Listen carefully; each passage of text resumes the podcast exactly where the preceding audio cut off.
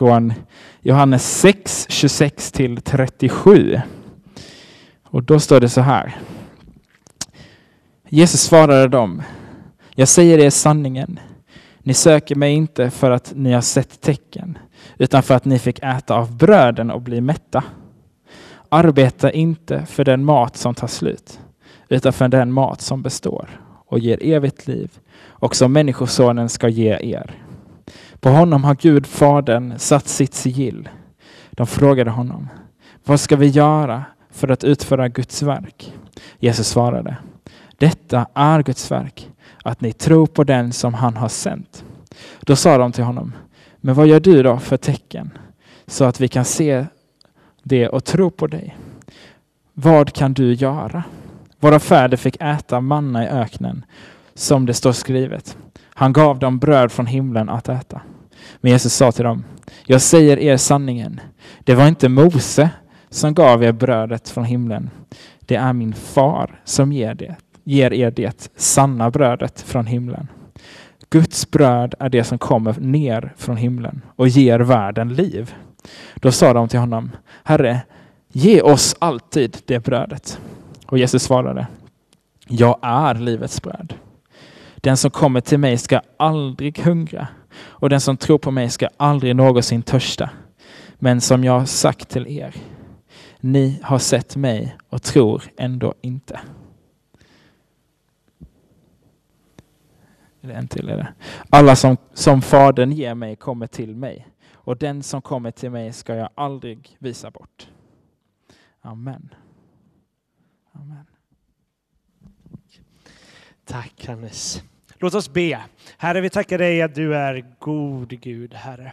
Och vi ber, Herre, att vi ska få ögonet se att de här orden är sanna, att du är livets bröd. Du är det enda som kan ge evigt liv och inget annat, Herre. I Jesu namn. Amen. Amen. Um, nu ska jag göra min bror lite nervös. När jag och min bror brukar ses, det här kan gå illa, uh, vi gillar att spela brädspel, uh, så en vanlig fråga då, uh, vad ska vi äta? Och så kan någon av oss svara, kanske pizza. Och den andra svara, nej, men det åt jag igår. Kan vi inte äta någonting annat? Sushi eller något? Och det tror jag, eh, det är kanske bara jag och min bror som behöver variation i livet, men jag tror att det är fler som uppskattar variation. För det vi åt igår är samma, lite för eh, ordinärt. Vi behöver annat. Men det är unikt för vår tid. I inga andra tider har man kunnat hålla på så. Och i 15 000 år har de flesta kulturer, i alla fall i väst, haft primärt en grundrätt som har involverat alla måltider och det är bröd. Variation var inte ett alternativ för måltid i antiken, i Bibelns tid, handlade inte om val utan om överlevnad. Och det är inte minst sagt i, inom judendomen som det här sker, eh, där bröd var grundstommen för alla måltider därmed så signifierade bröd liv. Bröd är liv. Utan bröd dör vi. Vi behöver bröd för att leva. Och det är viktigt när vi kommer till den här texten. För oss är bröd ofta frukost, kanske någonting aptitretande innan den riktiga rätten på något sätt. Så när vi hör Jesus säga livets bröd så är det viktigt att vi tänker inte någonting aptitretande, inte någonting innan det riktiga. Utan när Jesus talar om att han är livets bröd så talar han om vad vi behöver för att verkligen kunna överleva att utan honom kommer vi inte överleva. Vi kan inte leva på bröd endast. Om vi vill ta del av riktigt liv som går till och med bortom döden, som inte vanligt bröd kan göra, så säger Jesus vi behöver Jesus. Utan det kommer vi att andligt svälta. Så när Jesus säger jag är livets bröd så är det en otrolig inbjudan och ett otroligt exklusivt påstående. Jesus gör stora anspråk med detta. Eh, så det här är första predikan i en predikoserie som, som handlar om när Jesus sju gånger ger sju olika påståenden i Johannes evangeliet om vem han är. Jag är livets bröd, jag är världens ljus, jag är livet, eh, uppståndelsen och så vidare. Han gör olika typer av påståenden där han bjuder in oss att tänka kring vem han är, hur vi ska förhålla oss till honom och hur vi ska leva i ljuset av dessa sanningar. Så vi är i Johannes kapitel 6 och eh, det krävs lite kontext här för att förstå fullt ut vad Jesus håller på med. Johannes 6 är ett väldigt långt kapitel. Det, det, är ett väldigt långt kapitel, men jag rekommenderar att ni läser det när ni kommer hem. Det är ett märkligt kapitel. I början av Johannes 6, innan vi kommer till delen vi har hört, så gör Jesus sitt kända brödunder där han mättar 5000 människor med fem kornbröd och två fiskar. Som är ett otroligt mirakel. Speciellt i ett samhälle där 80 av ens lön gick till ens dagliga mat. Man, man behövde spendera det mesta man hade bara för att överleva sitt dagliga bröd. Så att Jesus visar sig att ha makten att kunna förse med mat är lockande för många. Och allt börjar så bra i det här kapitlet. Folk förundras över Jesu kraft, Jesu förmåga, Jesu sätt att tala. Så de börjar fundera, hmm, vi har ju väntat på en judisk konung, Messias, som ska stoppa romarriket. Den här snubben kan mätta våra magar. Han kanske är den här kungen. Han kanske är den här konungen som kan besegra romarriket och ge oss det rike vi vill ha. Så de hyllar Jesus som kung. Och allt är så bra tills Jesus börjar prata.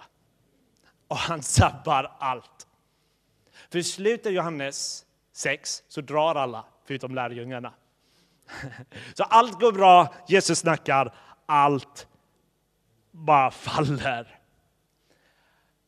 Jag tror Jesus gör två grejer. Vi ska bara kolla på de här korta verserna, vi, vi, eller bara några enstaka verser av de som lästes innan. Men jag tror Jesus gör primärt två grejer som egentligen genomgår hela kapitlet som vi inte har läst. Jesus gör en otroligt obekväm utmaning och han gör en helt fantastisk inbjudan. Så det här är en text som är både sandpapper för själen och balsam för själen. Och vi behöver lite både och. Så vi börjar med sandpappret och så kommer vi strax till balsam. Det behöver vi med. För det första Jesus gör är att Jesus avslöjar något om våra hjärtan. Han avslöjar att vi vill så ofta ha en Jesus efter vår avbild. En Jesus som röstar som oss, som tänker som oss, som gör vad vi vill. En Jesus som kan driva våra politiska och ideologiska agendor. Och det är exakt det här folket säger. Han kan ju göra alla de här grejerna vi vill att han ska göra. Han har tillfredsställt deras behov genom att mätta dem med bröd. Han har mättat deras magar. Nu ska han bara besegra deras fiender. Så trots att folket är så glada så stoppar Jesus showen. För det Jesus säger här är att han har kommit, inte först och främst eller överhuvudtaget, ge vad vi tror vi behöver. Han har kommit att ge vad vi verkligen behöver. Så i vers 26 skriver han, säger han så här. Ni söker mig inte för att ni har sett tecken. utan för att ni fick äta av bröden och bli mätta. Vad Jesus noterar här är att lärjungarna, eller inte lärjungarna, alla de här judarna som börjar följa honom, är inte efter Jesus, men hans pengar. De är inte efter Jesus som person, men allt vad han kan ge. De är, inte, de är först och främst efter hans mirakel snarare än miraklarnas Gud, personen bakom. Istället för att se det här som tecken som pekar på Gud som välkomnar oss till honom så ber de Jesus gör lite fler under. Kom igen, du kan göra lite coola tricks. Nu kan du vara vår kung. Där de bestämmer vem, vad Jesus borde göra och vem han är. Och jag tror att det finns en vanlig tendens, speciellt för folk som har varit troende länge, behandla Gud som att vi kan förhandla med honom. Att om Gud kliar min rygg så kliar jag hans rygg. Vi kan hitta en liten så här deal, lite utbyte. Och jag, jag, jag tror det här, du kliar min rygg, jag kliar din rygg. Eh, din rygg. Det finns två varianter, motsatta varianter. Den ena kommer från en väldigt lagisk typ av kristen som tänker så här.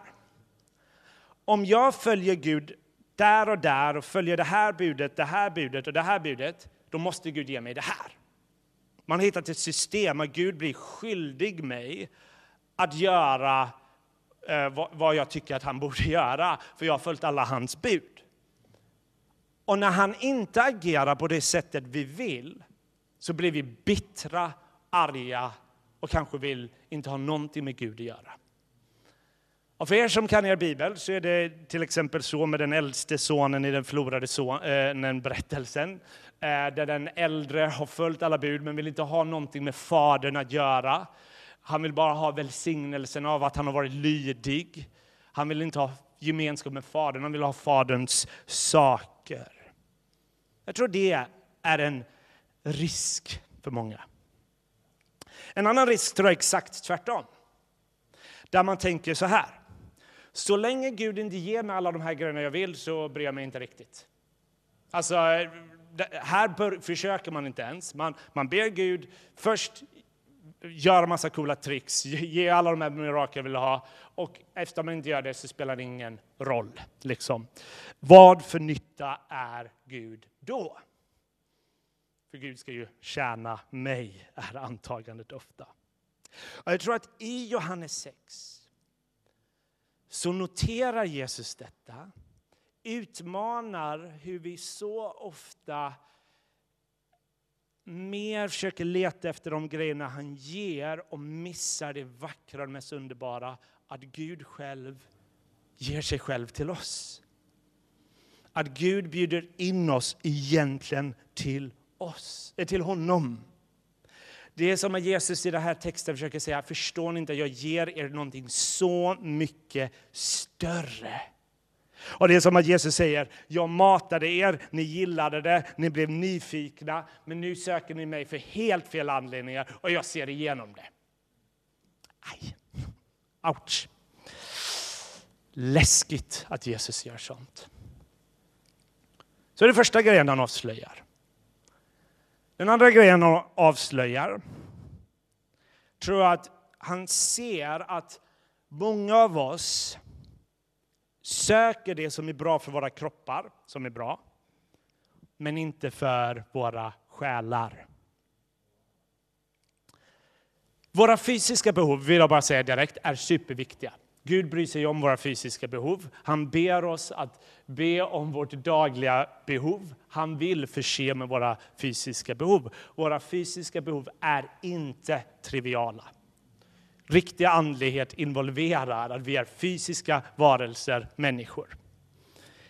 Med det sagt så tror jag det finns en tendens i vårt samhälle som jag inte nödvändigtvis kritiserar, så här vill jag ni, ni hör mig rätt.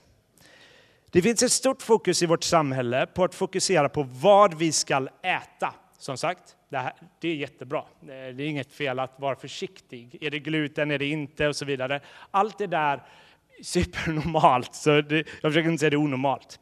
Men många av oss är så otroligt nitiska, som inte är problem med det. Men vi är så otroligt nitiska med vad vi plockar in i vår kropp, vad vi, vad vi ger vår kropp. Men vår själ är sekundärt.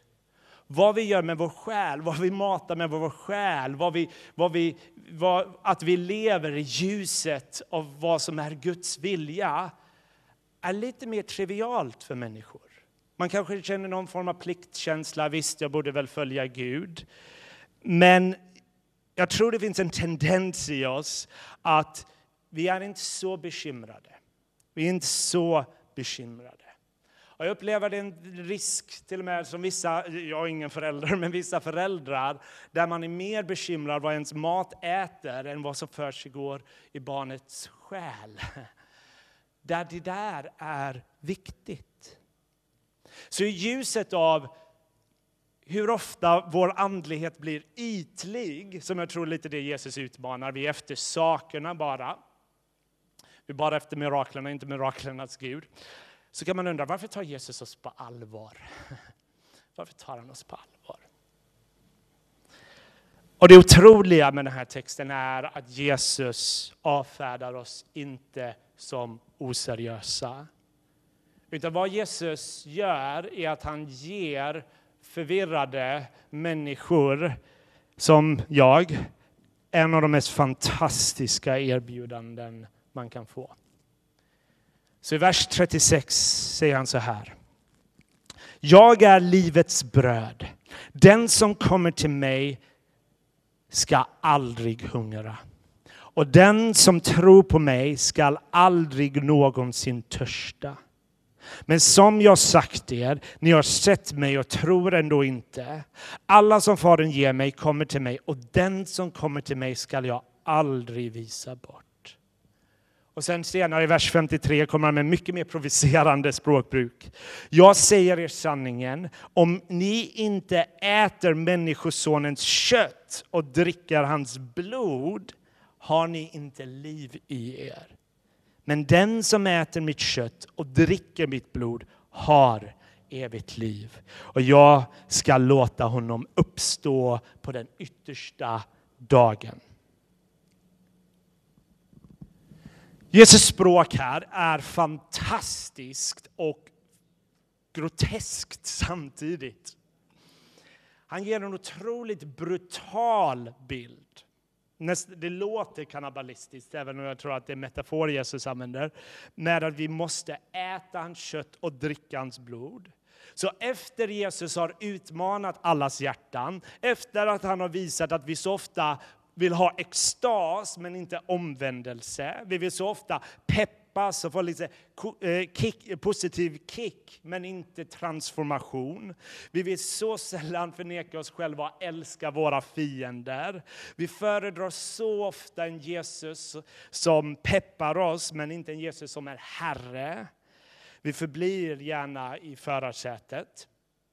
Och vi väljer ofta någon form av bekvämlig religion där kristendom är någon form av social klubb. Men Jesus utmanar det. För kristendomens hörnsten, dess juvel, dess center är ingen idé det är inte ens en filosofi, inte ett system, utan allt i kristendomen centrerar kring en person. Jesus Kristus. Jesus är inte bara en springpojke som kommer med goda råd, inte ens en springpojke som kommer med goda nyheter. Han är de goda nyheterna. Och han bjuder in oss att ta del av honom honom, tro på honom, att förtrösta på honom. Att inse på samma sätt som vi är beroende av mat för att leva, så är vi beroende av honom för att kunna leva andligt och in i det kommande riket. Jesus bjuder in till riktig gemenskap. Han säger inte bara kom och smaka lite på den här aptitretan. Han bjuder in oss att ta del av honom. Och det är det jag tror han menar med äta och dricka. Det är ett sätt att säga tro på mig på riktigt. Låt det liksom gå in i ditt innersta. Låt det få röra i systemet inom dig. Och låt det få märka dig. För det Jesus ger är så mycket bättre än vad så många av oss söker. Det han ger är bättre än hans egna gåvor till och med. Bättre än hans välsignelser. För det han ger, som i sig är en gåva i en bemärkelse, är han själv. Och jag tror att till oss, till de, inklusive mig, som har varit kristna länge, så är det enklast att glömma detta. Där vårt kristna liv ibland kan definieras i aktiviteter, i verksamhet, i det vi gör för Herren, som är bra grejer. Men mitt i det där så tror jag att blicken kan vara så skiftad från honom till grejerna vi gör så vi mister den första kärleken. Vi mister det otroliga med evangeliet. För det vi gör för Herren ibland kan göras på ett sätt där vi glömmer att vara med Herren. Och eh, jag grips ofta, det fanns eh, på 1900-talet en otroligt viktig predikant som hette Martin Lloyd Jones. Och han betydde jättemycket för den amerikanska kristenheten och för en stor del av kyrkan i, i, i hela världen. Och han åkte runt i hela världen och predikade evangeliet. Men när han blev äldre och äldre så tappade han förmågan att kunna göra detta. Så hans dagar, när han var som, eh, liksom, eh, eh, i hans sista år, hans dagar såg ut som att han tog all sin energi att ta på sig sin kostym som han har, satt lite, drack kaffe och sen behövde ta av den och sova. Och så ställde hans vän en fråga. Martin, hur orkar du det? Efter så många år varit i tjänst, i så många år fått ge ut, så många år fått göra saker som är så viktigt. Hur känns det att bara gå upp, all energi, tar, det, det tar all din energi och sen är dagen över? Och Martin Lloyd Jones svarade genom att citera Lukas evangeliet där Jesus säger till sina lärjungar som är förundrade av att de har fått kraft att driva ut mörka andar. Och så säger Jesus, gläd er inte över att andarna lyder er, utan gläd er över att era namn är skrivna i himlen. Vad han säger i respons är det mest centrala det mest centrala för honom är inte vad han gör för sin Herre, är inte den verksamhet han håller på med, även om det är viktigt och Gud kallade honom till det. Det mest centrala är att han tillhör Gud. Och han, han har Gud. Och inget kan ta honom, Gud ifrån honom. Att han är djupt älskad oavsett hans förmåga att fullborda det han har kunnat tidigare eller inte. Och det är en påminnelse jag får ge mig som jobbar mycket med teologi, jobbar i kyrka. Det är så enkelt att behandla Gud som ett objekt som vi ska studera, ett objekt eh, som vi observerar istället, och därmed missad Gud är mitt framför mig och säger den som kommer till mig kommer jag aldrig visa bort. Att Gud är aldrig bara ett objekt vi studerar. Gud ger av sig själv till mig. Det finns inget viktigare Oavsett vad jag åstadkommer i, liksom, i mitt yrke, i min, min liksom verksamhet. Det här är det mest centrala. Att allt i slutändan handlar om Jesus som ger liv till oss. Och jag vill bara liksom balansera att, att det är fortfarande viktigt att vi kan kasta alla våra bekymmer på Gud. Första Petrusbrevet säger kasta alla era bekymmer. Vi vill be och se mirakel. Vi vill se hans välsignelser. Vi vill se alla de här grejerna ske. Så att söka att Gud agerar, söka hans gåvor är aldrig dåligt. Gud bjuder in det. Men det är som att Kristus påminner oss, eh, skärper vår blick, att vi aldrig ska göra det på bekostnaden av att inte söka honom. Att vi inte bara söker gåvorna, men alltid gåvogivaren. Och att alla hans gåvor pekar på honom, vem han är och vad han har att ge. Så när Jesus ger bröd så vill han påminna dem, se det inte bara som en gåva att äta, se vad det pekar på också. Att jag är den som faktiskt kan förse riktigt liv. Att Jesus är livets bröd, han är vår näring. Att Jesus är världens ljus, att han är judarnas konung, att han är världens härskare. Att Jesus är den goda heden. Han är vä eh, vägen, sanningen och livet. Han är uppståndelsen. Han är världens hopp. Han är ditt enda hopp, han är mitt enda hopp, han är vårt enda hopp. Och han är den enda grunden som den här kyrkan är byggd på. Han är vår enda räddare, frälsare, Herre och vän. Det finns ingen fläck på denna Jesus. Inget mörker, ingen gråzon. Han är genomgod. Han är rättfärdig, han är rättvis, han är nådefull, han är kärleksfull. Och inget Inget kan jämföra sig med Kristi kärlek. Och det är han som säger, den som kommer till mig skall jag aldrig visa bort. Så låt mig börja avrunda med det här. Så om vi känner, okej okay, Jesus synar mina liksom skeva motiv i att söka honom. Kommer Jesus ta mig på allvar? Kommer Jesus ta mig seriöst när han har gett allt och jag bara söker efter triviala saker? Till dig säger han, den som kommer till mig ska jag aldrig visa bort. Och om vi känner, ja men jag kommer bara med massa problem. Det enda jag har att erbjuda Jesus, jag har massa problem, jag är bara stök. Då tar han dem och gör dem till hans problem och säger, den som kommer till mig ska jag aldrig visa bort. Han ser allt i oss, han ser det värsta i oss, allt trasigt. Och han älskar oss. Han jublar över oss. Han har skapat oss underbart. Även om vi har vänt om grejerna och gjort det trasigt så säger han, den som kommer till mig ska jag aldrig visa bort. Och alldeles strax ska vi ta del av nattvarden som är veckovisa påminnelsen där vi påminns om just det.